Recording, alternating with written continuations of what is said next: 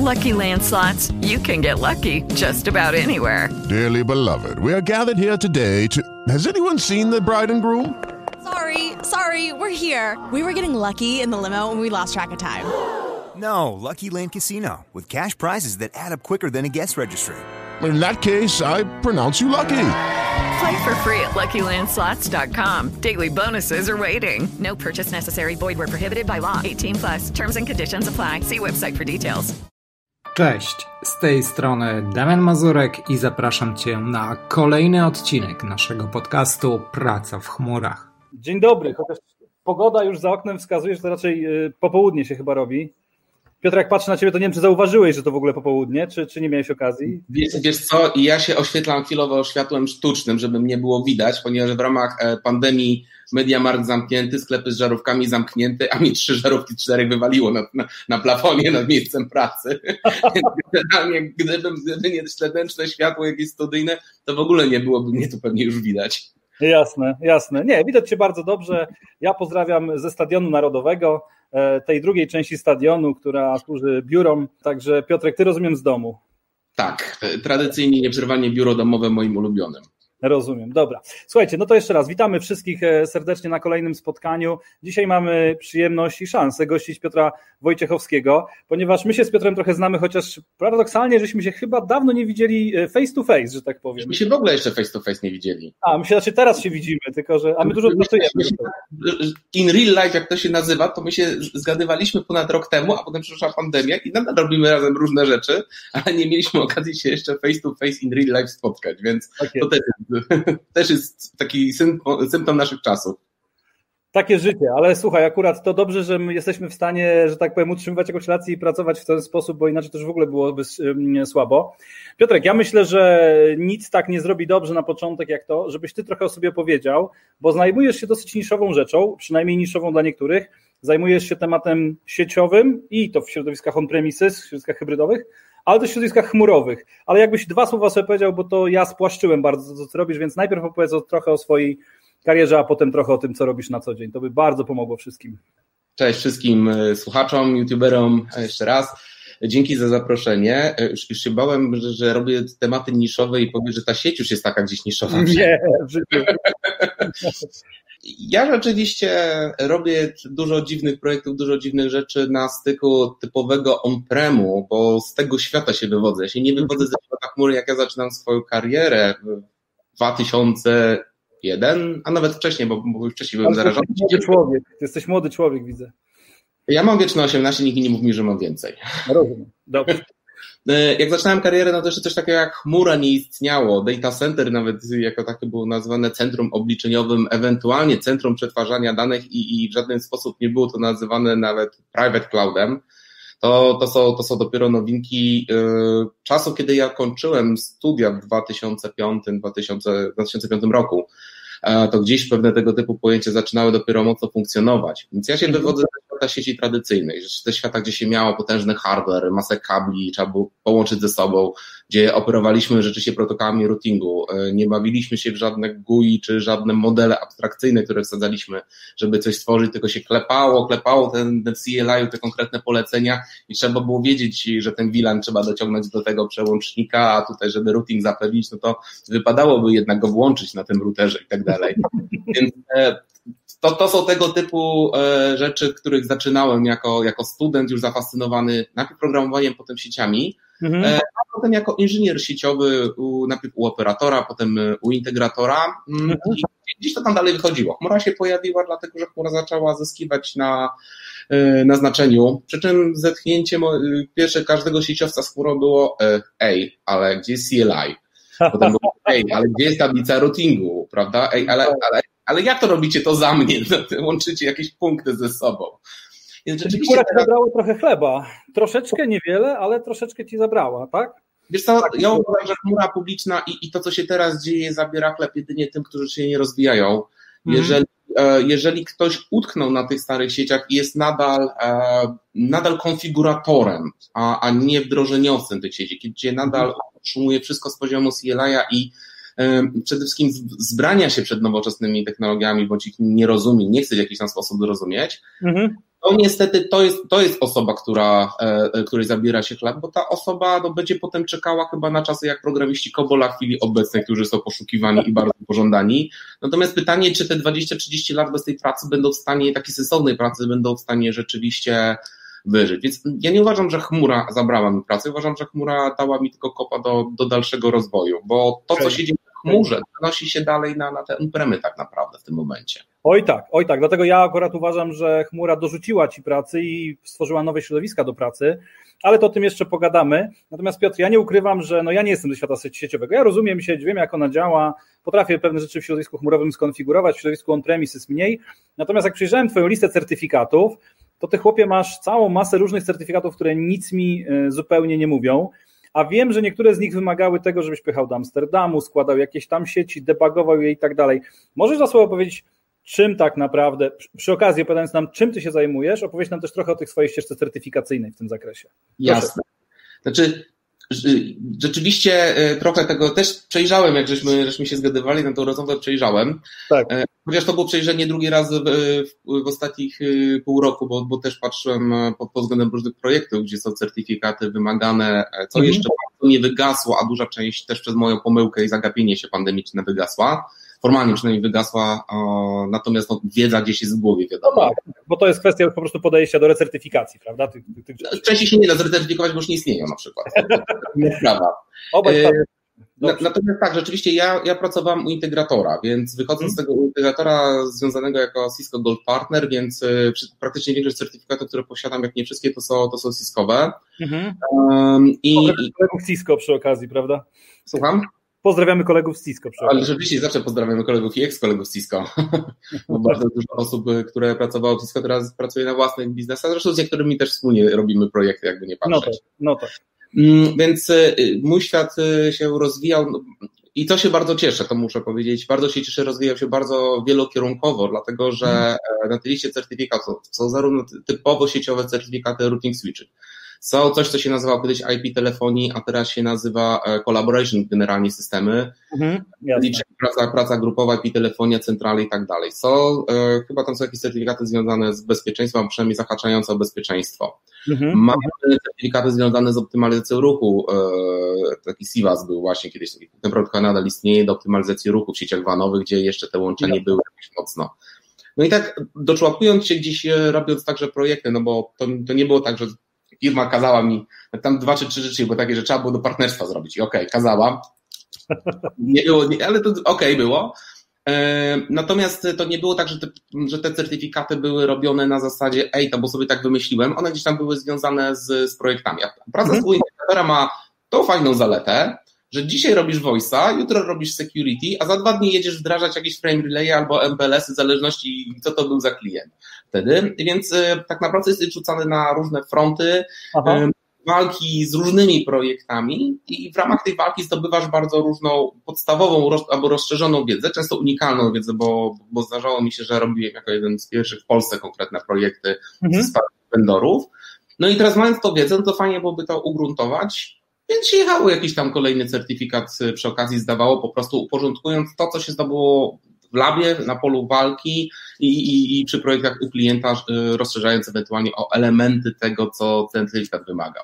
No dobra, to teraz y, dużo certyfikatów, duża kariera w on-premie, PL Nogo, przecież trzeba powiedzieć, że też PL Noga, nie wiem, czy organizujesz, czy współorganizujesz, czy jesteś... w Radzie Programowej. Jesteś w Radzie Programowej, tak, dobra, jesteś w Radzie Programowej, czyli robisz bardzo dużo różnych ciekawych rzeczy wokół tej Rady, to o tym jeszcze też porozmawiamy, ale powiedz, to w takim razie jak teraz Twoja rola wygląda? Czyli jeżeli byśmy powiedzieli, że jesteś takim architektem sieci, który zajmuje się aspektami sieci przy środowiskach chmurowych, to czym tak naprawdę się zajmujesz? No bo jak popatrzymy na tą warstwę sieciową już w samym cloudzie, no to można było gdzieś tam powiedzieć, no ona nie jest specjalnie skomplikowana, ale przecież ty robisz dużo różnych projektów na styku też.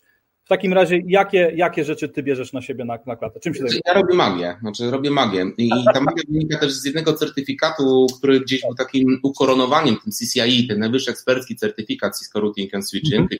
Nawet z tyłu za mną stoją, za samolotem stoją tabliczki z tymi certyfikatami. Poka, pokazuj. Jak tak. Pokazuj, pewnie. Ale samolot czy tabliczki? Tabliczki oczywiście. Dobrze. Więc są certyfikaty, każdy jest nagradzany, każdy jest e, przyznawany konkretnym numerem. Mhm. Tego typu rzeczy. Jest, jeszcze jest druga właśnie z okazji, z okazji dziesięciolecia. Okej, okay, okej. Okay. To takich to... ładnych prowajderzy cloudowi nie dają, to trzeba chyba coś zrobić sieciowego. No, no słuchaj, no bare metal daje ci bare tabliczkę, no. Rozumiem. No i co ty robisz? Bo to mnie strasznie interesuje. Czy ja trochę wiem, ale pewnie ludzie, którzy nas słuchają, już pewnie mniej. E, ja robię bardzo dużo rzeczy, bo oczywiście siedzę dalej w tym świecie tradycyjnym, który nigdzie nie zniknął. Natomiast e, od dłuższego czasu łączę sieć tradycyjną z, z tymi sieciami chmurowymi. Mhm. Natywne usługi, ja rozróżniam usługi chmurowe na takie natywne i takie hybrydowe. E, mhm. Natywne Natywne to są typowe, na przykład lambdy w AWS-ie, prawda, których y, używamy skalowalności i możliwości chmury publicznej do tego, żeby wykonać konkretne operacje za jakieś sensowne pieniądze, nie budując do tego całego swojego stosu data centrów i urządzeń. Mhm. Często, często są to usługi, które normalnie mogłyby być dla małego startupu wręcz niedostępne i, i zamykałyby biznes. Usługi hybrydowe dla mnie to są usługi, które łączą się z, z, z on-premem jako takim, gdzie wymagane jest rzeczywiście rozumienie tego, jak działa troszeczkę inaczej. Ta sama usługa realizowana na on-premie versus to, co jest w cloudzie, jak mhm. to połączyć, jak rozumieć mechanizmy sieciowe, które otrzymujemy po stronie e, clouda versus to, co sobie sami wdrażamy w on-premie, albo czasami w ramach takiego bermetalowego bermetalowej usługi kupujemy od jakichś mniejszych operatorów e, chmurowych. Mhm. To są te nowoczesne usługi, które teraz, to jest właśnie, ono używam bare metal in the cloud, czyli choćby Azure VMware Solutions, które wynosi de facto raki i storage czy własne compute bezpośrednio jako bare metal do chmury, który my, my zaczynamy używać jako usługę chmurową. Więc e, ja, to jest jedna taka noga, którą działam e, mhm. gdzieś, gdzieś na rynku. Lubię się bawić e, oczywiście i podejmuję się też zleceń typowo chmurowych, tam gdzie, tam gdzie mam kompetencje przede wszystkim, ale tam gdzie się widzę rozwi y, rozwijać. Stąd na przykład e, utrzymuję i, i rozwijam jedno call center zbudowane w AWS-ie. Okay. Więc no to jest taka to, to ciekawa zabawa. Spam? Polska czy poza Polską klient? Polska, Polska. Polska. Bardzo, bardzo specyficzne wymaganie y, po prostu u klienta call center y, potrzebował być stosunkowo proste, ale jednocześnie wszystkie narzędzia, które były na rynku, um, raczej były, służyły do tego, żeby wydzwaniać klientów, a nie odbierać połączenia i odpowiednio obsługiwać, więc budowaliśmy same. W międzyczasie doszła możliwość wykonywania połączeń na zewnątrz właśnie z AWS-a także do Polski, więc y, więc gdzieś tutaj e, tego typu działania zostały zrobione. I to nadal działa, to jest nadal teraz rozwijane e, i tu się spełniam na przykład troszeczkę jako programista, gdzie w tym momencie... W Pythonie, nie wiem czy wszyscy wiedzą, ale na, ja cię obserwuję na Twitterze, to tam co chwilę o Pythonie piszesz, a nie o sieciach. Tak, no gdzieś wlazłem tego Pythona i no to powiedzmy tu się też spełniam, chociaż tu się właśnie przypominam sobie jak się JavaScriptem pisze niektóre rzeczy, Mhm. E, natomiast tak, rzeczywiście spełniam się trochę jako programista Pythona, choć Python głównie występuje, bo jestem też deweloperem modułów do Ansibla, modułów dotyczących Docker Swarma, ale też opiekunem gałęzi, jeden z opiekunów gałęzi całej modułów do Dockera. E, Czyli niby się środowiec, ale tu Python, tutaj Docker, tu usługi pasowe w cloudach. To tak dużo tych zainteresowań wokół ciebie tak naprawdę. Tak, bo ten certyfikat ekspercki z jednej strony jest potwierdzeniem, że się, e, że się ma pewną wiedzę, rozumie się, jak te mechanizmy działają, jak na siebie wpływają, ale mhm. to jest właśnie też dla mnie ludzie, którzy zdali CCI przede wszystkim mają pewną taką zdolność łączenia faktów ze sobą. Rozumieją, że jak pchniesz tutaj, mhm. to tam się rozleci cały dół, prawda? to jest chyba jedna z najprostszych definicji, co robi architekt. Przepraszam, to oczywiście nie jest pełne, ale jak miał to wyjaśnić mojej matce czy, czy moim, mojemu tacie, no to właśnie pewnie tak by to brzmiało, tak? Czyli przewidujesz szerzej całą konstrukcję, a nie tylko wycinamy. Ja nie muszę, ja jestem ekspertem w pewnej, w pewnej działce, znam się bardzo dobrze w pewnych mechanizmach, ale rozumiem też, jak inne mechanizmy, których znam podstawy, e, mogą wpływać na to, co projektuję, jak to połączyć. Mam pewną umiejętność nabytą już wyuczoną czytania pewnych logów, czytania architektury, jak rzeczy wpływają na siebie.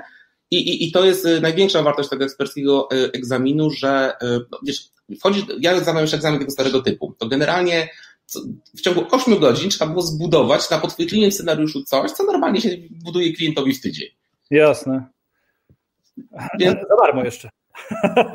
No i zadania były na przykład takie, że jeżeli w zadaniu 24 dobierzesz złą metodę, to już na no pewno tak. nie wykonasz zadanie 46, ale wraca się 20 zadań do tyłu, to jest strata czasu. Jasne.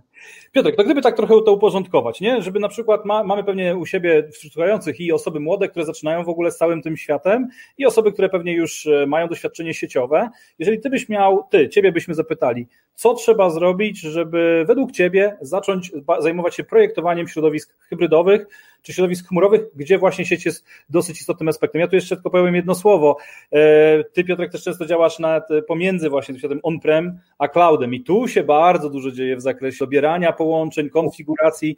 Tu się dopiero dzieje magia. W cloudzie bym powiedział, że stosunkowo prosto, ale pomiędzy tymi światami, oj, potrafi to być strasznie skomplikowane. Ale wracając do pytania, co Piotrek Wojciechowski radziłby osobie młodej, a potem co Piotrek Wojciechowski radziłby osobie już doświadczonej w sieciach, która nie zna środowisk chmurowych? Od czego zacząć? Jak wystartować? Znaczy osobie młodej to praktyka, praktyka, praktyka, praktyka i trochę teorii. Dobrze. Y, pierwszy dzień, y, nie mam jeszcze środowiska chmurowego. Od czego zacząć? No pewnie, pewnie nie od praktyki jeszcze. Coś tam trzeba. Nie, jeżeli nie ma środowiska chmurowego, to zaczynasz czytać rzeczywiście o, o, o podstawowych mechanizmach sieciowych. Dziś, te fundamentalne rzeczy, jak adresy IP, się zawsze przejawiają. Trzeba wiedzieć, co to są podsieci, trzeba wiedzieć, jakie są funkcjonalności no. Ale to, to jest nawet coś, co, co, co studia powinny nauczyć. To jest, mhm. jeżeli wychodzi z informatyki, no to taką podstawową wiedzę, nawet jak się nie przykładał, powinien mieć. Mm, natomiast jeżeli zaczyna się robić to, mm, zaczyna się pracować i chce się iść w kierunku architekta, to nie da się być architektem bez e, dość dużej dawki praktyki. Jeżeli ktoś mówi mi, że jest architektem, a w życiu nie zrobi porządnego projektu, to dla mnie jest pre z architektem i potrafi sprzedawać PowerPointa, a nie sprzedawać tak naprawdę rozwiązanie. Albo konsultantem. Tutaj muszę się z Tobą zgodzić. Ja wiem, że definicja architekta według bardzo światłych ludzi, którzy opisują, jak tacy ludzie pracują w dużych organizacjach, jest nieco inna, ale tu myślę, że w naszych realiach, jeżeli właśnie nie masz tego doświadczenia hands-on, chociaż trochę, nie mówię, że będziesz pisał teraz e, sesję BGP, to ciężko ci naprawdę dobierać rozwiązanie, jeszcze mówić klientom, że to zadziała na przykład, tak? Albo zadziała w takim scenariuszu. Poza tym, poza tym nabierasz też, e, idąc do klienta, próbując e, nawet mu sprzedać produkt, nabierasz mhm. Do tego, że, że nie sprzedajesz czegoś, co się nie da wdrożyć. No tak. To, to, to niestety często, często, może nie często, ale zdarza się, że, że trafiają klienci, których trzeba po takich sprzedawcach po prostu posprzątać i hmm. przetłumaczyć klientowi, że no została sprzedana usługa, która e, ok, poszczególne klocki działają jak najbardziej, ale razem to, panie, nie da się tak tego połączyć. Trzeba rozumieć. Zatem trzeba umieć też sięgać po, oczywiście po wiedzę e, lepszych, bardziej specjalistów w konkretnych dziedzinach, i umieć im zadawać konkretne pytania, rozumieć odpowiedzi, więc e, to, mhm. to, to jest taka rzecz.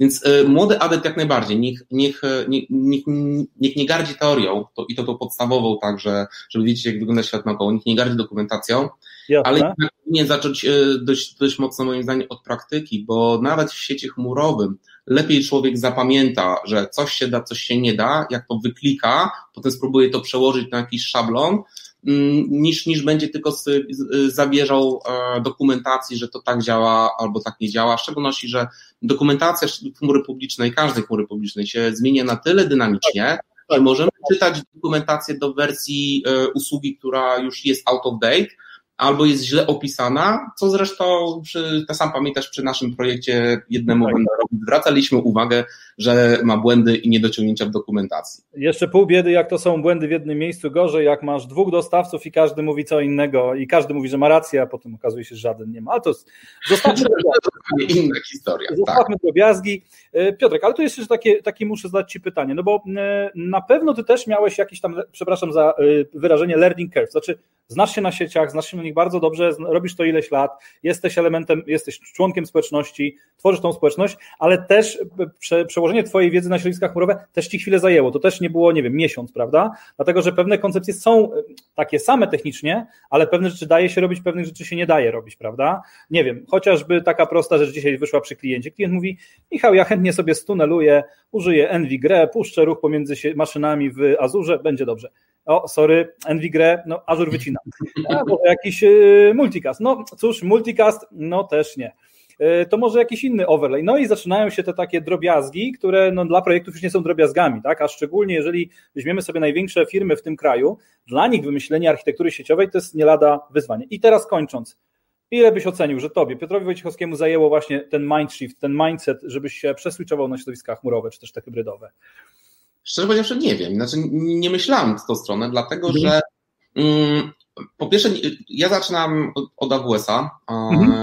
i, i, gdzieś e, byłem zafascynowany tymi bardziej najpierw natywnymi usługami rzeczywiście, które co w AWS-ie, a niekoniecznie odpalę VM-kę i, i połączę ją z moją siecią. To dopiero doszło tak naprawdę tego typu rzeczy, doszły potem przy robieniu projektów biznesowych, w których po prostu klienci to wymagali. Mnie, mnie bardziej początkowo te, te, te natywne usługi a, interesowały. Ile czasu mogło zająć? O, to, to, to, wiesz, to chyba było bardziej to, co, to, co przed chwilą żeś powiedział, to było zderzanie mojej wiedzy, którą już miałam i doświadczenia z tym, że czegoś się nie da albo trzeba zrobić inaczej. Inaczej, dokładnie. Tak, i, i, i tu były, i tu są te ograniczenia, ponieważ rozumiejąc naturę chmury, mhm. rozumie, no to wie, że oddajemy pewien poziom zarządzania operatorowi chmury. To jest niezależne od nas i my się musimy dostosować do tego, co mamy. Mhm. Nie dostajemy takiej samej ilości logów, jak na on-premise tej samej usługi odpalonej, bo po prostu nie ma, to jest managed service i, tak. i, i, i, po prostu nic nie Nie wiemy tak naprawdę pod spodem, wiemy z jakichś tam plotek czy prezentacji na konferencjach, że tam pod spodem jest konkretny system wirtualizacji, że oni używają konkretnego sprzętu, wiemy, że Google sam sobie switche robi i tak dalej już od dawna super fajnie, ale nie wiemy dokładnie, jak to działa, nie mamy na to wpływu hmm. i nagle zapominamy o pewnej części warstwy sieciowej, mm, zaczynamy myśleć o usłudze, którą budujemy, a nie o, o konkretnych wilanach, e, konkretnych połączeniach, które muszą do tego zostać stworzone. Ale znowu wchodzimy, zrobimy, jest ten punkt demarkacyjny, gdzie się nasze połączenie z chmurą kończy i nagle to samo musimy, to co jest chmurze, musimy przenieść na nasz świat w sposób bezpieczny, redundantny, bezpieczny, no to, to tak jak mówię, to... Czyli podobne mechanizmy nieco, znaczy mechanizmy podobne, ale pewne szczegóły, szczegóły mimo wszystko inne. Znaczy, chmura publiczna e, została moim zdaniem e, trochę zmuszona, mm, tutaj patrzę bardziej teraz przez pryzmat Azura, bo tutaj teraz więcej projektów jako takich robię, e, Jasne. została troszeczkę zmuszona do zaadoptowania tego, co jest non-premie. To jest mhm. taka obserwacja ostatniego półtora roku, dwóch lat. To, wynika... To fajna obserwacja, o tym będę chciał pogadać jeszcze. Proszę. A, a to, dobra, no to, to uprzedzam pytanie, dobrze, to nie czytam Ci, tak? nie ustalaliśmy pytań dla czasu. Nie, nie ustalaliśmy. Generalnie chmura adoptuje troszeczkę rozwiązań z takiego typowego on-prema, zarówno w warstwie bezpieczeństwa, jak i w warstwie sieciowej, ponieważ z jednej strony wynoszone są rzeczy, tak jak już wspomniałem, Azure VMware Solution, gdzie mamy po prostu fizyczne serwery i fizyczny storage mm -hmm.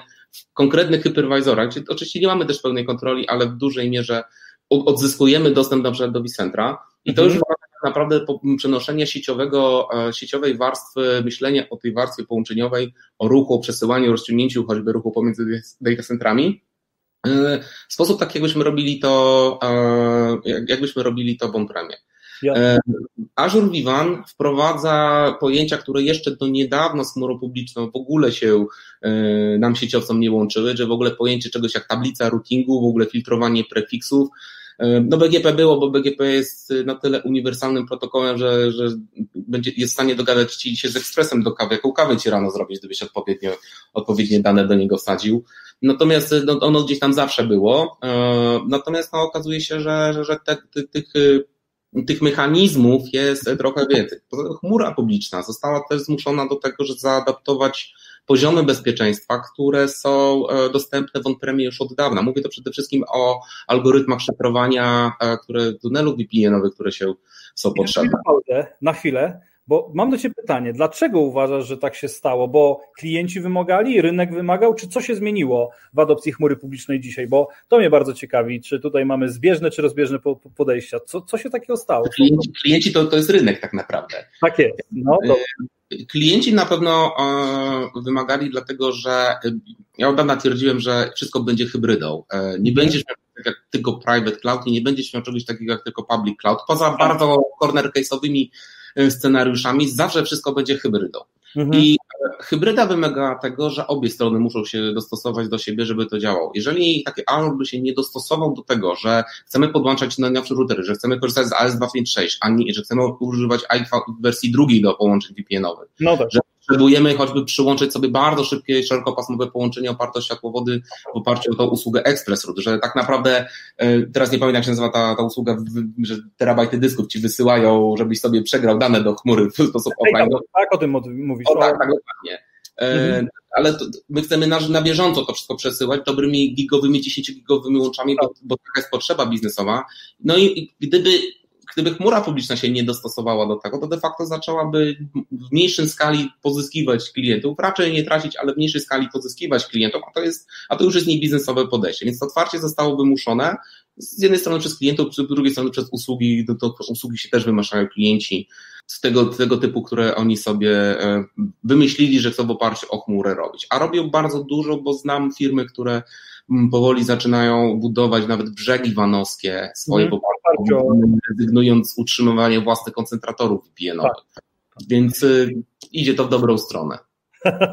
Ja mam też taką teorię, nie wiem, czy się zgodzisz, że jakby w 2008 roku, kiedy powstała Azure, 2006, kiedy powstała AWS, e, pewnie trochę nawet wcześniej powstała AWS, ja myślę, że oni nie wiedzieli, znaczy twórcy chmur nie przewidywali, że po 12 latach największe enterprise na świecie, przedsiębiorstwa dużej skali, które są mega skomplikowane, bardzo mm, posegmentowane w tym zakresie sieciowym, będą chciały odtwarzać pewne koncepcje w środowiskach chmury publicznej. Oni są gotowi do zmiany architektury, ale pewne koncepcje odtwarzają i kiedy myślano o architekturze chmury w 2008, to pewnie trochę bardziej myślano o rzeczach born in the cloud. A tutaj my robimy migracje, które właśnie wymagają tego typu środowisk, no i nie da się od tego uciec. Jeżeli nie możesz zapewnić, nie wiem, pewnej segmentacji, e, pewnych protokołów e, rozgłaszania routingu, pewnych protokołów enkrypcji, no to tak naprawdę taki enterprise powie, no nie, nie jesteście zbyt dojrzali, żebym ja mógł ze swoim stosem e, technologicznym wejść, a też nie ma co ukrywać, że Enterprise nie dlatego jest tak skomplikowany, że tak chce, tylko przy pewnej skali no, musisz mieć różne sposoby chronienia swoich zasobów. Chyba, że ja się mylę i ty, ty, ty zupełnie widzisz to inaczej.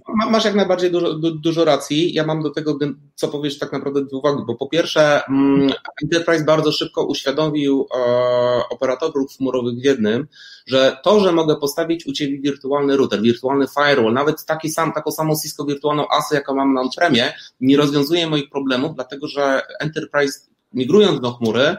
dużej chce używać usług zarządzalnych, chce ten overhead cały y, z siebie przerzucić na operatora chmurowego. Tak. Dla, niego, dla niego nie jest interesem płacenie za, za moc komputa i, i jeszcze dodatkowo za, za ludzi, których musi zatrudnić do operowania tą wirtualną ASO. On chce mieć usługę firewalla do tych usług, które oczywiście w jego profilu bezpieczeństwa można do, do takiego modelu yes. jak najbardziej przyłączyć. Natomiast ja widzę jeszcze drugą rzecz. Ja pracowałem z dużymi korporacjami, pracowałem też w dużej firmie finansowej i niestety bardzo dużo, szczególnie światowych korporacji ma mega narzuty historyczne, jeżeli chodzi o technologię, którą używa. Zgadzam się. E, chmura za to. Spory, prawda? Nie tak. Chmura za to wymusiła e, tutaj w, w, w tych enterprise'ach troszeczkę przyspieszenie tej migracji z tych starych, usuwania starych technologii. No bo jeżeli, jeżeli zaczynamy operować na połączeniach frame relay, które już są dawno wycofane. Kiedy mamy, aplikujemy gdzieś tam w, w Amerykach, nadal się używa ATM-ów czasami do połączenia pewnych y, końcówek, no to to nie są technologie, które są współczesne. Mhm.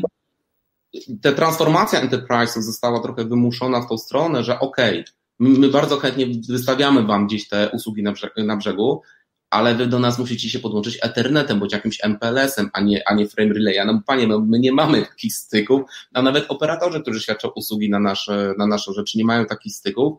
Poza tym w, w interesie operatora chmury jest utrzymywanie pewnej skończonej liczby sposobów przyłączania czy technologii, które, które ma to nie jest, to, to enterprise są bardziej tą stronę pod tytułem mamy 50 różnych technologii, dlatego że w międzyczasie w ciągu 20 lat wchłonęliśmy 40 firm, ale jeszcze 10 własnych dołożyliśmy.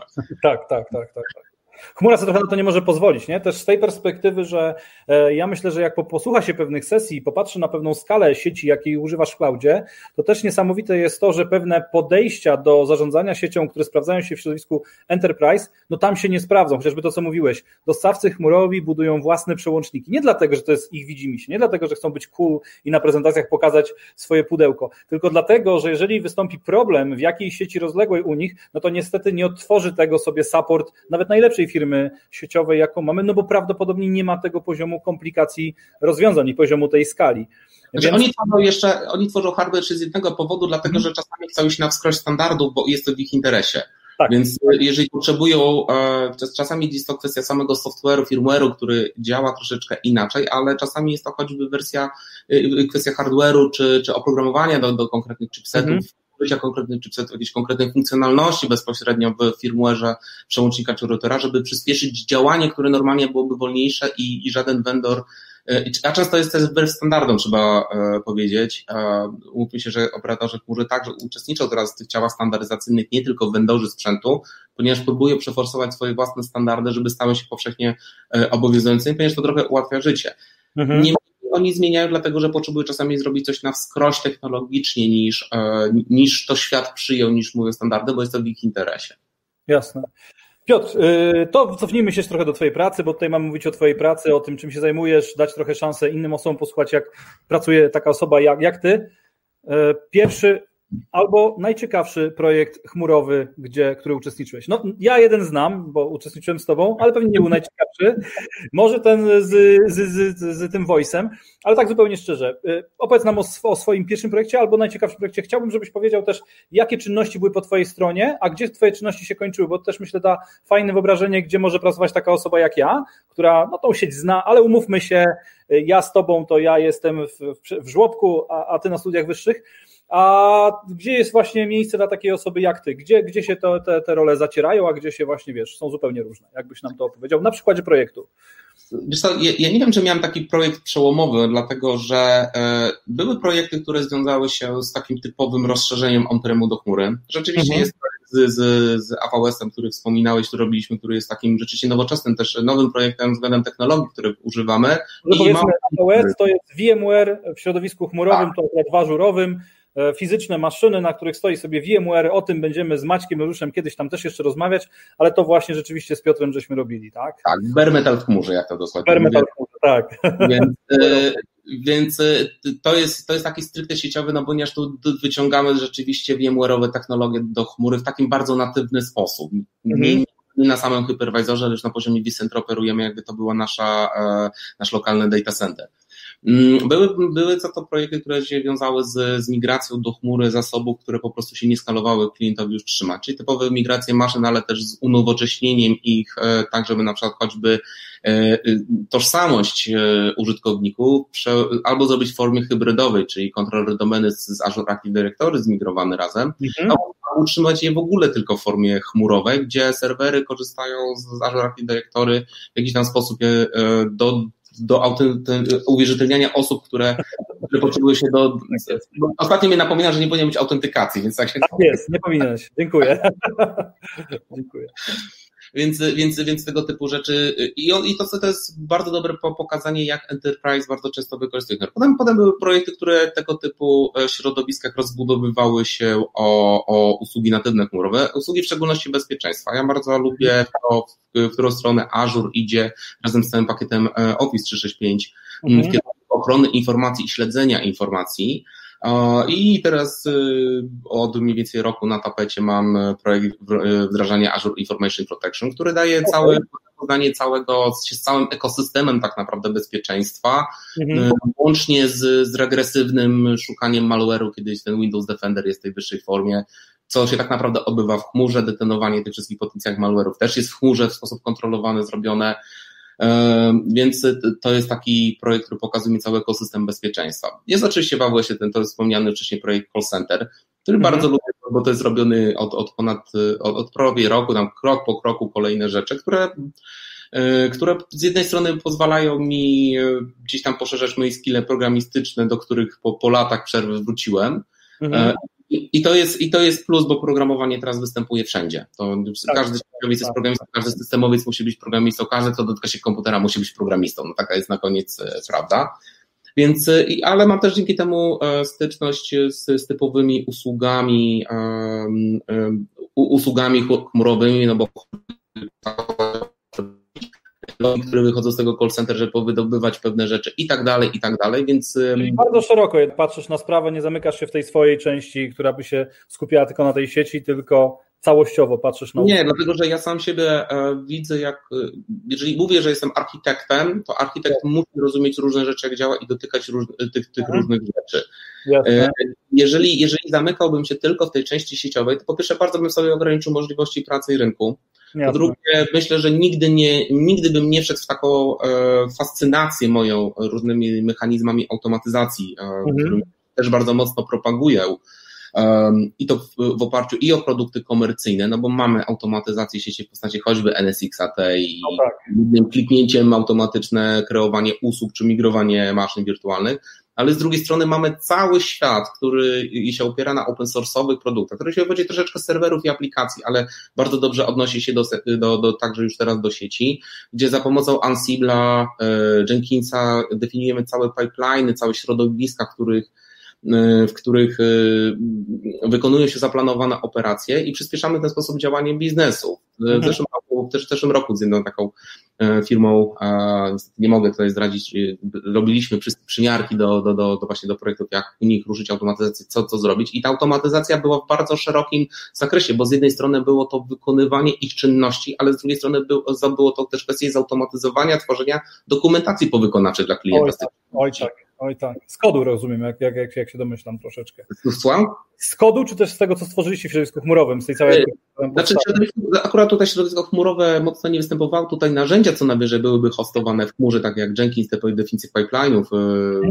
Natomiast, natomiast chodzi o samo, samo, samo podejście do automatyzacji, bo automatyzujemy, powinniśmy automatyzować wszystko. Ostatnio... Dziękuję. Dziękuję za to słowo. Dziękuję. Ja na swoich szkoleniach mówię, że jeżeli wchodzisz w chmurę i nie automatyzujesz, to ta cała chmura jest do niczego ci niepotrzebna. Przepraszam. To tak, tak, tak to, to, to, to w środowisku chmurowym to w szczególności ma, ma, ma to znaczenie, chociaż czasami nie, raz ostatnio się właśnie e, to taki case pod tytułem, że może czasami jednak nie wszystko, bo ja od dawna chciałem się nauczyć CloudFormation. Okej. Okay.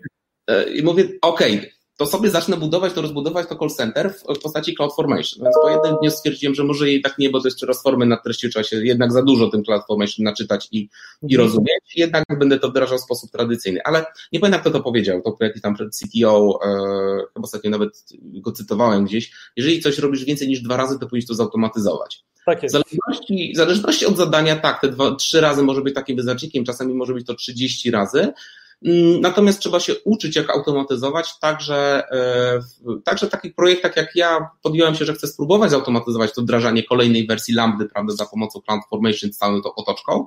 Też może dlatego, żeby dojść do wniosku, że y, nauczyć się, że tak. produkt, który jest do automatyzacji, nie mhm. jest do takiej małej skali. Mhm, mhm.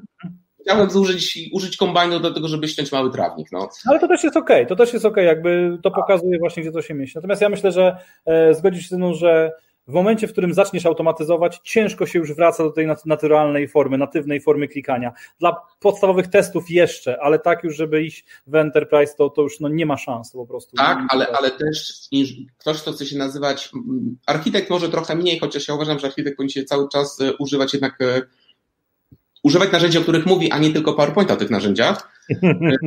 więc, więc dlatego ja bardzo chętnie chwytam i, i i, i projekty, które trzeba coś zrobić z klientem wspólnie, robić poker mm. tak ale także troubleshooting e, różnych e, usług, żeby zobaczyć, jak działa, bo to nadal daje.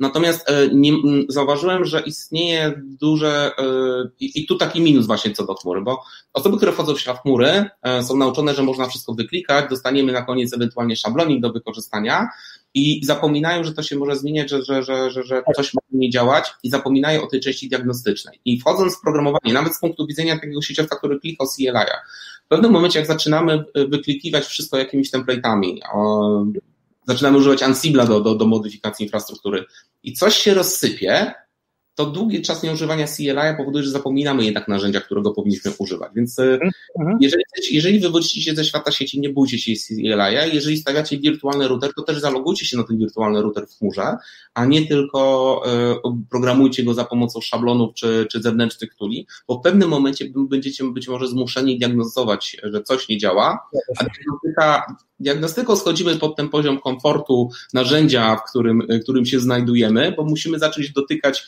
w najlepszym wypadku CLI-a i jego outputów, w najgorszym wypadku z, samodzielnie albo jeżeli tak logujemy się na karty liniowe i patrzymy, czy na procesorze nie ma błędów.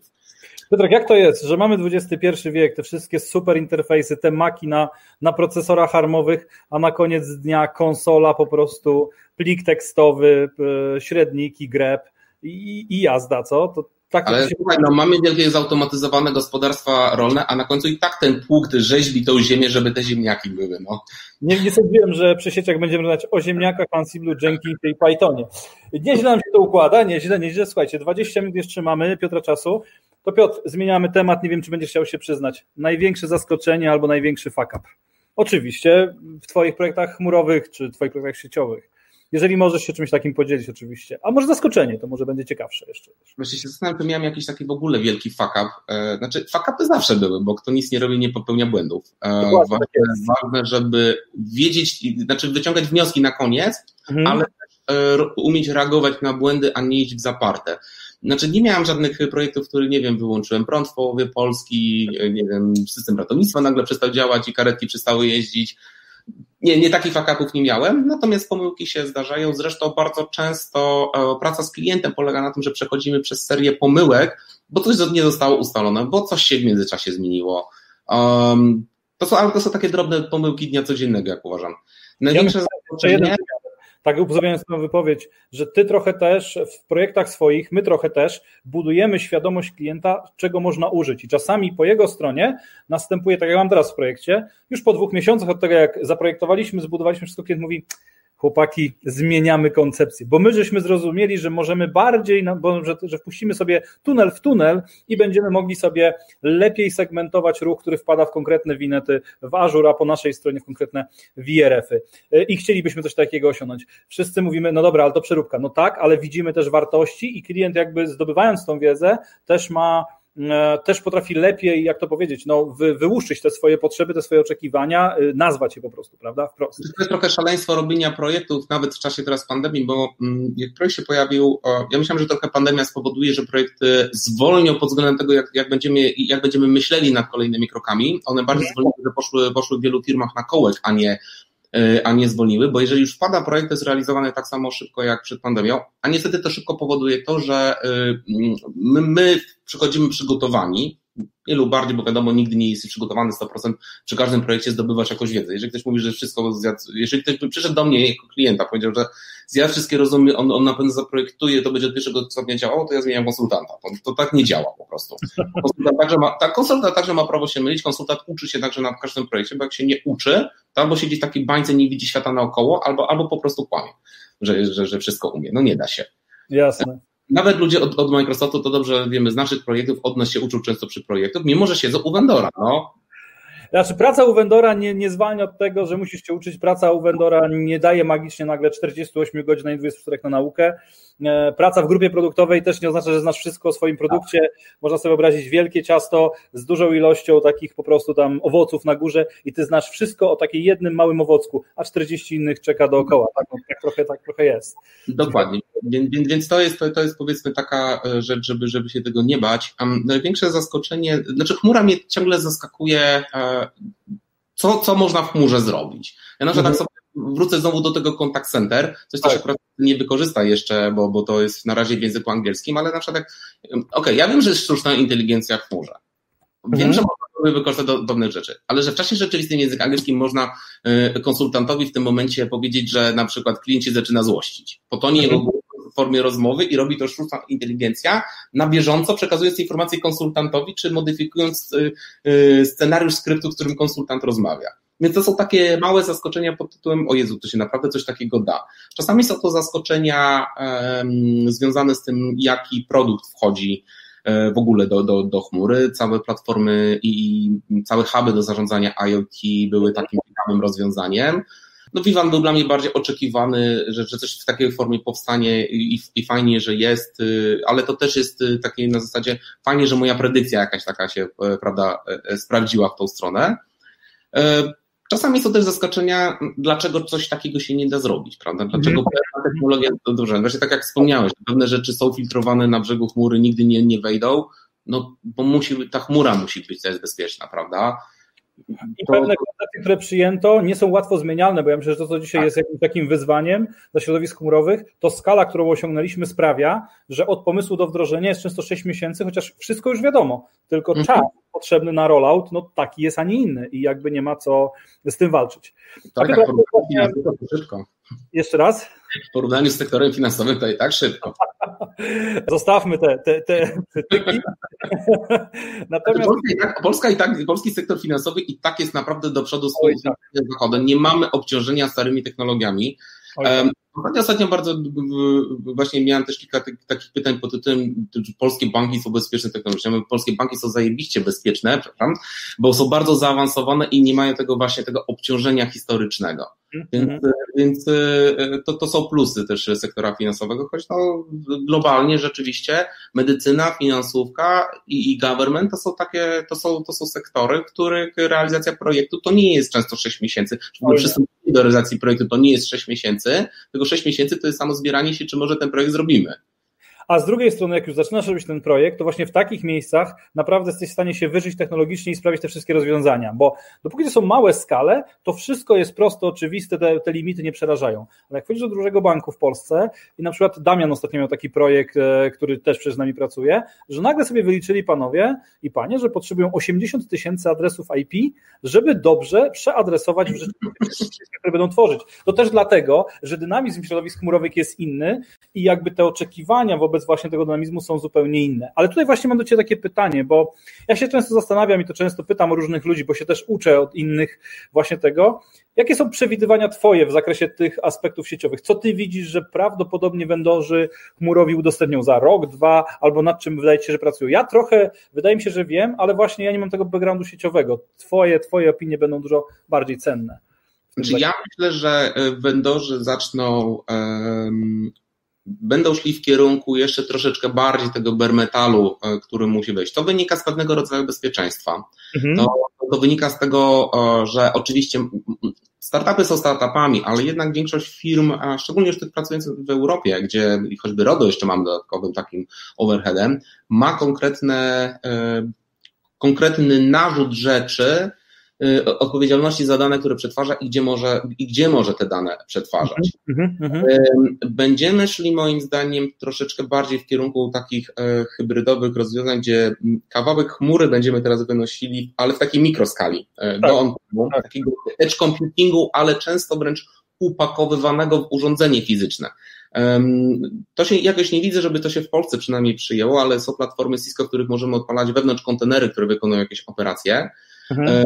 Możemy je chyba niektóre łączyć e, z, z chmurami publicznymi, ale wydaje mi się, że pewne, pewnego rodzaju właśnie rygory wykonywania operacji i kontroli nad tymi operacjami, które E, które narzuca właśnie choćby RODO czy jakieś e, przepisy bezpieczeństwa, wymuszą, że kawałki tego komputa będą tak jak lambda on edge, będą tak, wykonywane tak, tak. bardziej on edge na, na właśnie wewnątrz urządzeń sieciowych. Dlaczego wewnątrz urządzeń sieciowych?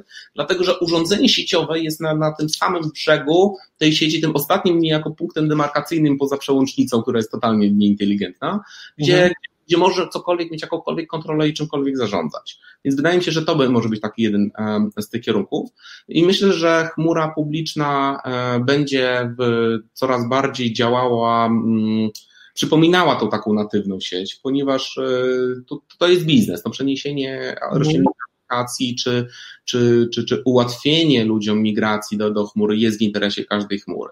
Ja się bardziej zastanawiam, czy, czy, czy będzie możliwość bezpośredniego łączenia chmur ze sobą, żeby choćby te express ruty łączyć. Trochę to jest, już trochę to jest. Trochę jest, chociaż to moim zdaniem jeszcze raczkuje. Raczkuje, to tak. prawda, to prawda, ale na przykład taki Oracle z Microsoftem już się dogadali w niektórych regionach świata. Są partnerzy, którzy łączą to na poziomie swoich usług sieciowych, no bo przecież oni ten backbone jakby hmm. potrafią połączać, ale tak, tutaj rzeczywiście, szczególnie, że y, koncepcja multi-cloudu się coraz częściej pojawia w polskich również firmach, w takim dobrym wymiarze, w dobrym tego słowa znaczeniu. Dzielimy workloady, część pracuje tu, część pracuje tu z różnych perspektyw, chociażby mitygacja ryzyka y, negocjacji z vendorem, najprostsza rzecz niby, tak, albo dostępność usług. Powiedzmy sobie, prawda, no, Azure ma niektóre usługi dobre, niektóre są do bani, tak samo AWS ma niektóre usługi fantastyczne, niektóre są do bani. Czasami jest kwestia po prostu przeniesienia tego workloadu nie tylko pod względem kosztów, ale pod względem tego, jak można to usługę zrealizować. Wiadomo, że najlepsze jest Alibaba, prawda? nie, ja uważam, że najlepsza jest moja chmura domowa, prywatna, składa się z sześciu Raspberry Pi i wszystko, co potrzebuje, na nie chodzi. Piotrek, to jak już poruszyłeś ten temat, co masz na tych Raspberry Pi? Kubernetes, jak wszyscy. A właśnie nie, ja mam Docker Swarm, ja mam dwa klastery swarmowe. No to, nie, to są Raspberry Pi trzeciej generacji, jakoś jeszcze czwórek nie dorobiłem póki co. W związku z tym Raspberry Pi trzeciej generacji to jest 1 GB RAMu, to się jakoś zbytnio e, jednak na, na minikube oczywiście tam powiedzmy w tych wersjach bardzo okrojonych skaluje, ale nic więcej, ale tak. nie odpalasz jednak po to, żeby sam Kubernetes zmielił powietrze. Więc e, ja mam dwa klastry swarmowe. Jeden jest przeznaczony do jakichś takich demonstracji klienckich, e, testów czy budowania obrazów. Mm, drugi klaster jest taki bardziej do mojej sieci domowej, gdzie sobie stoi Observium, stoi sobie jakiś soft dodatkowy do VPN-ów, no i sobie ten czytnik ADSB, żeby sobie samoloty podsłuchiwać. Więc, więc sobie stoi coś takiego i to, jest, i to jest taki mój bardziej prywatny klaster. Mam oczywiście też jakieś dodatkowe dokery gdzieś w różnych centrach danych, które hmm. CI/CD mi zapewniają. Mam własno, mam postanowienie własnego GitLaba na własne potrzeby tego, co pracuję prywatnie, a nie, nie, nie może siedzieć w zasobach publicznych. Więc hmm. tego typu rzeczy sobie sam postawiam, więc dlatego moja chmura jest najlepsza, bo mam pełną kontrolę. No, to ostatnio Tomek Onyszko, którego przy okazji pozdrawiamy z Prediki, pewnie kojarzysz, też powiedział. Tak, że... mieliśmy, Marcela byliśmy razem wyszczególnieni w blogach, nie wiem czy okay, widziałeś. Okay. Najlepsza to jest ta, którą się najłatwiej zarządza. Słuchaj, ale mam jeszcze takie pytanie. Człowiek, który wyrósł z hardware'u, ja też wyrosłem z hardware'u, każdy kiedyś na Grzybowskiej stał i coś tam składał, ty pewnie też, chociaż nie wiem. Czy na Grzybowskiej? Nie, ja jeździłem o gry przegrywane na PC, tak na, na Grzybowskiej i tej, i tej szkole, co tam nic, było. Nic tam nie mów. Nie, to, były, to były czasy przed prawami autorskimi, to można mówić. Jakie fajne zabawki masz w domu? Masz jakieś fajne przełączniki, jakieś checkpointy, ciskacze, nie wiem, co tam masz fizycznego? Jakiś rak? Problem, problem z urządzeniami fizycznymi polega na tym, że trzeba płacić za prąd. A no. prąd w dzisiejszych czasach strasznie dziwnie idzie w górę, a no, ja myślę, że panele słoneczne tutaj się nie wchodzą w grę. Aha. Więc y, ograniczam, staram się wirtualizować to, co się da. E, ja mam na brzegu starego Junipera e, SRX-a, który służy mi za router z firewallem, e, urządzenie kompletnie end of life, z, z, z IPS-em, żeby, żeby tam rzeczywiście patrzył trochę, co, co, co do tego ruchu wchodzi.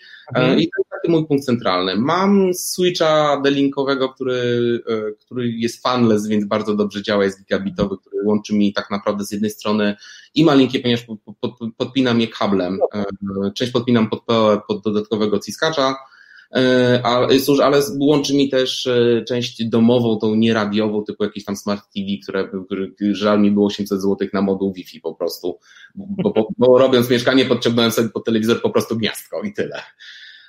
Mam NASA, no te sześć malinek, które sobie gdzieś tam działa i chyba nic więcej. A sieć domowa na czym stoi? Słucham? Sieć domowa na czym stoi? Na Aerohive. Okej. Okay. To jest rozwiązanie chmurowe, nic mi więcej potrzeba scentralizowane zarządzanie tak naprawdę jednym czy dwoma access pointami, które mają. Jak potrzebuję coś potestować, posiadam e, access pointy ciskowe, kontroler można uruchomić sobie w chmurze, więc demo dla klienta także można zrobić dużo rzeczy. Znaczy tutaj mówię, y, praktycznie większość softu managementowego jesteś w stanie uruchomić w formie zwirtualizowanej. Prawda. Nie ma potrzeby utrzymywania tego e, w formie bare metalu, a ja nie widzę potrzeby sztuki dla sztuki inwestowania moich pieniędzy po to, żeby coś utrzymywane było w bare metalu, bo, bo ładnie wygląda. No, ale właśnie to, że ładnie wygląda, można dotknąć. To czasem dla niektórych była przyjemność sama w sobie. Nie, nie, to znaczy, to, się spytałem czasem z co to za choinka tam w szafie siedzi. Tak jest, tak jest, tak jest. Albo to dogrzewa nam, nam, nam garaż, nie? Tak. I jakiś. Tak, tak, dokładnie. Słuchaj, to jeszcze mi powiedz taką, e, taką rzecz. Fajnie, no to tak, masz dużo doświadczeń chmurowych, masz, masz doświadczenia sieciowe, ten świat się zmienia, obserwujesz jak się zmienia, a teraz pytanie, z perspektywy samych aspektów sieciowych, która chmura jest najlepsza? Oprócz twojej, no bo. Oprócz twojej. Twojej, to już wiem. Ale z perspektywy sieciowej, bo jakby nie interesują mnie na chwilę te lambdy, te wszystkie databricksy, kubernetsy, e, te wszystkie, mm, wiesz, ciekawe rzeczy z perspektywy sieci. Co ci się najłatwiej odkształca na dzisiaj? Wiesz co, wydaje mi się, że Azure, ale to raczej, raczej z tego względu, że więcej na nim ostatnio pracuję. Mm, to jest też takie troszeczkę takie spojrzenie. Ja uważam, że e, ja Google Clouda nie znam. Mm, okay. Google zabieram po to, żeby w ogóle założyć konto testowe, skorzystać z tych free kredytów i zobaczyć, jak to działa. I chyba po prostu czekam na to, żeby dostać projekt y, w Google Cloudzie, żeby się z tym mieć motywację do zapoznania. Więc działam między Azurem a AWS-em. AWS mhm. jest chmurą, która e, to jest chmura dla startupów, chmura z nowościami, chmura, która chce być innowacyjna. W związku z tym mhm. te rzeczywiście te takie natywne, te takie usługi trochę połączeniowe czasem tam kuleją, choć może jest to moje takie właśnie yy, specyficzne spojrzenie, skrzywienie, dlatego że więcej sieciówki z enterprise'ami robi w, w Azurze, ale to też wynika dlatego, że nie tylko moje postrzeganie Azura jest takie, że jest to chmura enterprise'owa, ma nowoczesne usługi, ale przede wszystkim ma usługi Microsoftowe, yy, mhm. które pozwalają przenieść workload, identity, rozciągnąć bardzo dużo rzeczy pomiędzy on-premem a chmurą łatwiej niż do AWS-a, więc dla mnie Azure jest taką bardziej enterprise'ową chmurą, a AWS jest taką bardziej innowacyjną. Mhm, więc, mhm. więc, z tego spojrzenia właśnie, może ze względu na ilość projektów, uważam, że, że, że chyba pod strony sieciowej tutaj Azure idzie trochę bardziej do przodu, ale mogę się mylić. To jest opinia, po prostu, tak? Każda, każdy ma swoją. Y, słuchajcie, mamy jeszcze 5 minut czasu Piotra, więc czekamy na jakieś pytania. Jeżeli macie pytania do mnie, do Piotra, e, to, to zaraz zadawajcie, dosłownie, dosłownie ostatnia szansa. Piotr, ja mam oczywiście jeszcze jedno pytanie zdrać, ile zarabiasz. Ile zarabia osoba, która projektuje sieci w środowiskach chmurowych. Oczywiście, jeżeli nie chcesz, to nie musisz mówić o dokładnych kwotach, ale gadaliśmy na tym, na tym kanale o, o pieniądzach. Czy, czy to w ogóle jest jakoś ustandaryzowane w Polsce, czy to po prostu od projektu do projektu i nie, nie chciałbyś tego tematu poruszać? To Wiesz co, zależy. Ja ci powiem tak. E, uważam, że, znaczy nie, nie powiem ci o kwotach, ale to też wynika z tego, że e, też pewnych kwot nie wiem, a kwoty, które miałam pracując na etat, są, są niestety klauzulami objęte. Mhm. Też moje przychody zawsze były trochę i na etat, i na B2B, i adreso tylko na B2B. Mhm. Ja widzę, ja widzę troszeczkę co, to troszeczkę co innego. Mm, rzeczywiście zostałem sprowadzony przez też go gościa tutejszego, wcześniejszego Macieja Lelusza, e, sprowadzony gdzieś na ziemię ze, z moim spojrzeniem na zarobki, ponieważ ja patrzę, że, okazało się, że patrzę bardzo mocno na zarobki przez Warszawę. Aha, I, okay. i stawki warszawskie gdzie indziej są nieosiągalne, co bardzo często też nawet z potencjalnych e, rozmów z headhunterami którzy proponują różne projekty, czy to czasowe, czy bardziej stałe, często rozmowa się kończy na tym, że ja mieszkając w Warszawie nie będę pracował za dwie trzecie kwoty, które dostanę, czy za połowę kwoty, które dostanę w Warszawie e, dla, dla, dla podmiotów w Krakowie, choć rozumiem ideę, że, że ktoś, kto mieszka w Krakowie, dla niego jest to stawka atrakcyjna. Okay. Ja pracując na B2B no, praktycznie teraz od 2008 roku całkowicie już swoje robię. Mhm. Akurat wpadłem w okres pandemii, więc niestety moje dochody wiem, że spadły i się dużo projektów i spowolniło. Dużo klientów się moich też zwinęło z rynku. Mhm. To jest, co jest efektem tego, jak, jak, jak, jaką pomoc dostali, jak zostali wspierani i tutaj mam duży żal. Ja nie, ja nie oczekuję pieniędzy dla siebie, ale firmy, które robiły fajne rzeczy, po prostu stwierdziły za analizę ryzyka, e, no okej, okay, ale zbyt duże ryzyko, bo, bo my nie wiemy, czy będziemy stali za te pół roku, a nie mamy, a zostajemy na lodzie tak naprawdę od strony wsparcia, e, od strony tego opiekuna państwowego, który powinien jednak czuwać choć troszkę nad tym rynkiem.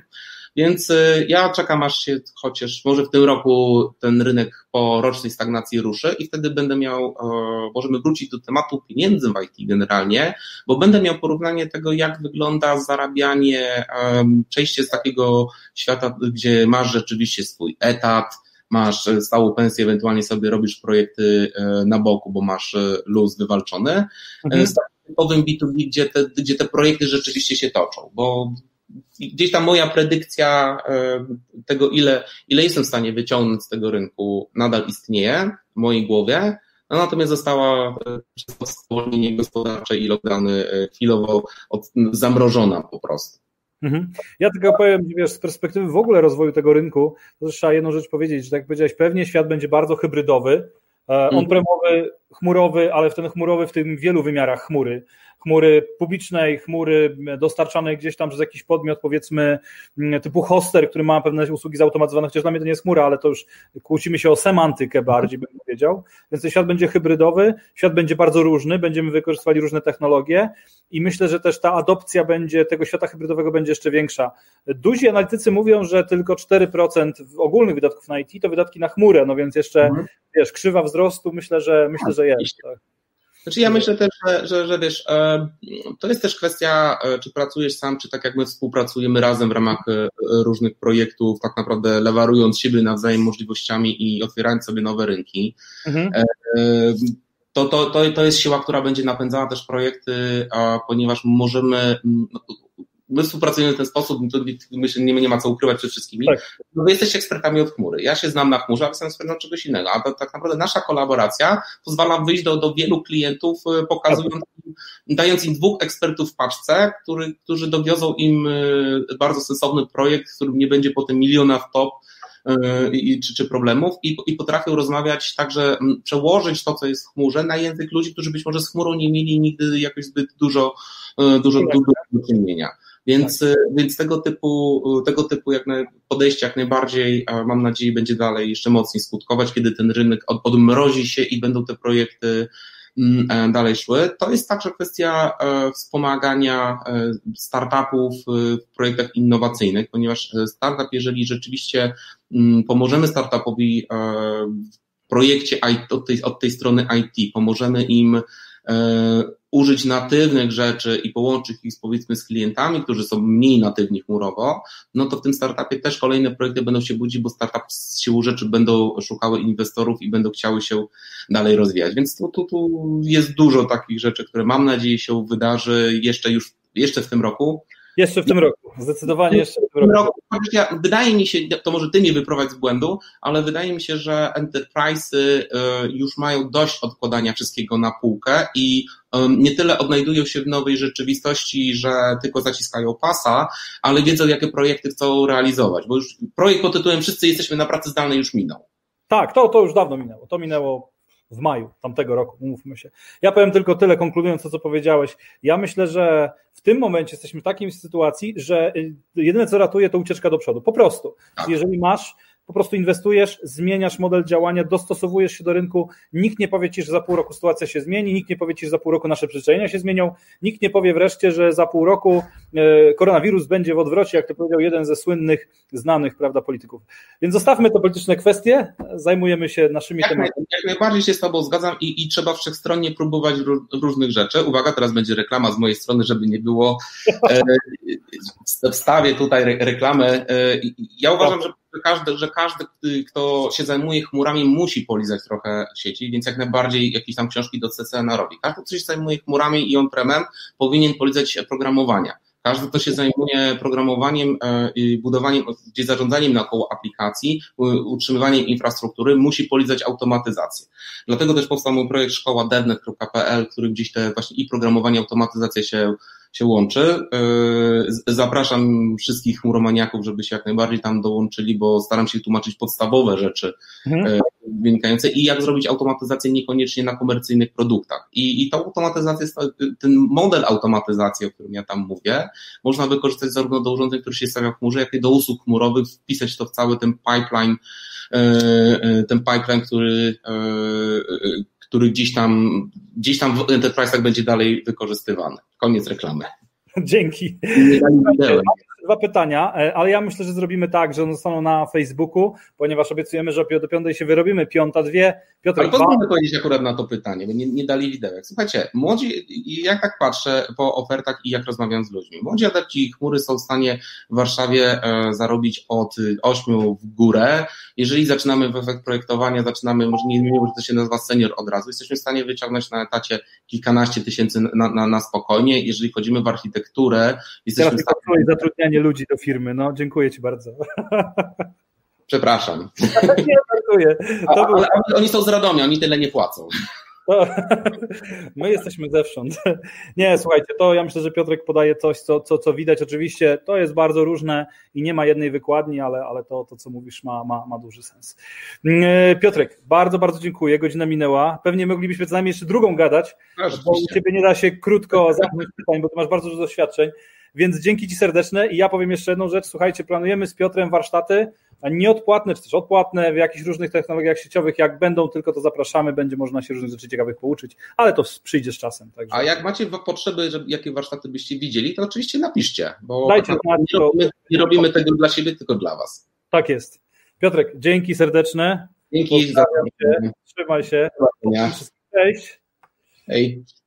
Lucky Land Casino asking people what's the weirdest place you've gotten lucky? Lucky? In line at the deli, I guess? Aha, in my dentist's office. More than once, actually. Do I have to say? Yes, you do. In the car before my kids' PTA meeting. Really? Yes. Excuse me, what's the weirdest place you've gotten lucky? I never win and tell. Well, there you have it. You can get lucky anywhere playing at LuckyLandSlots.com. Play for free right now. Are you feeling lucky? No purchase necessary. Void where prohibited by law. 18 plus. Terms and conditions apply. See website for details.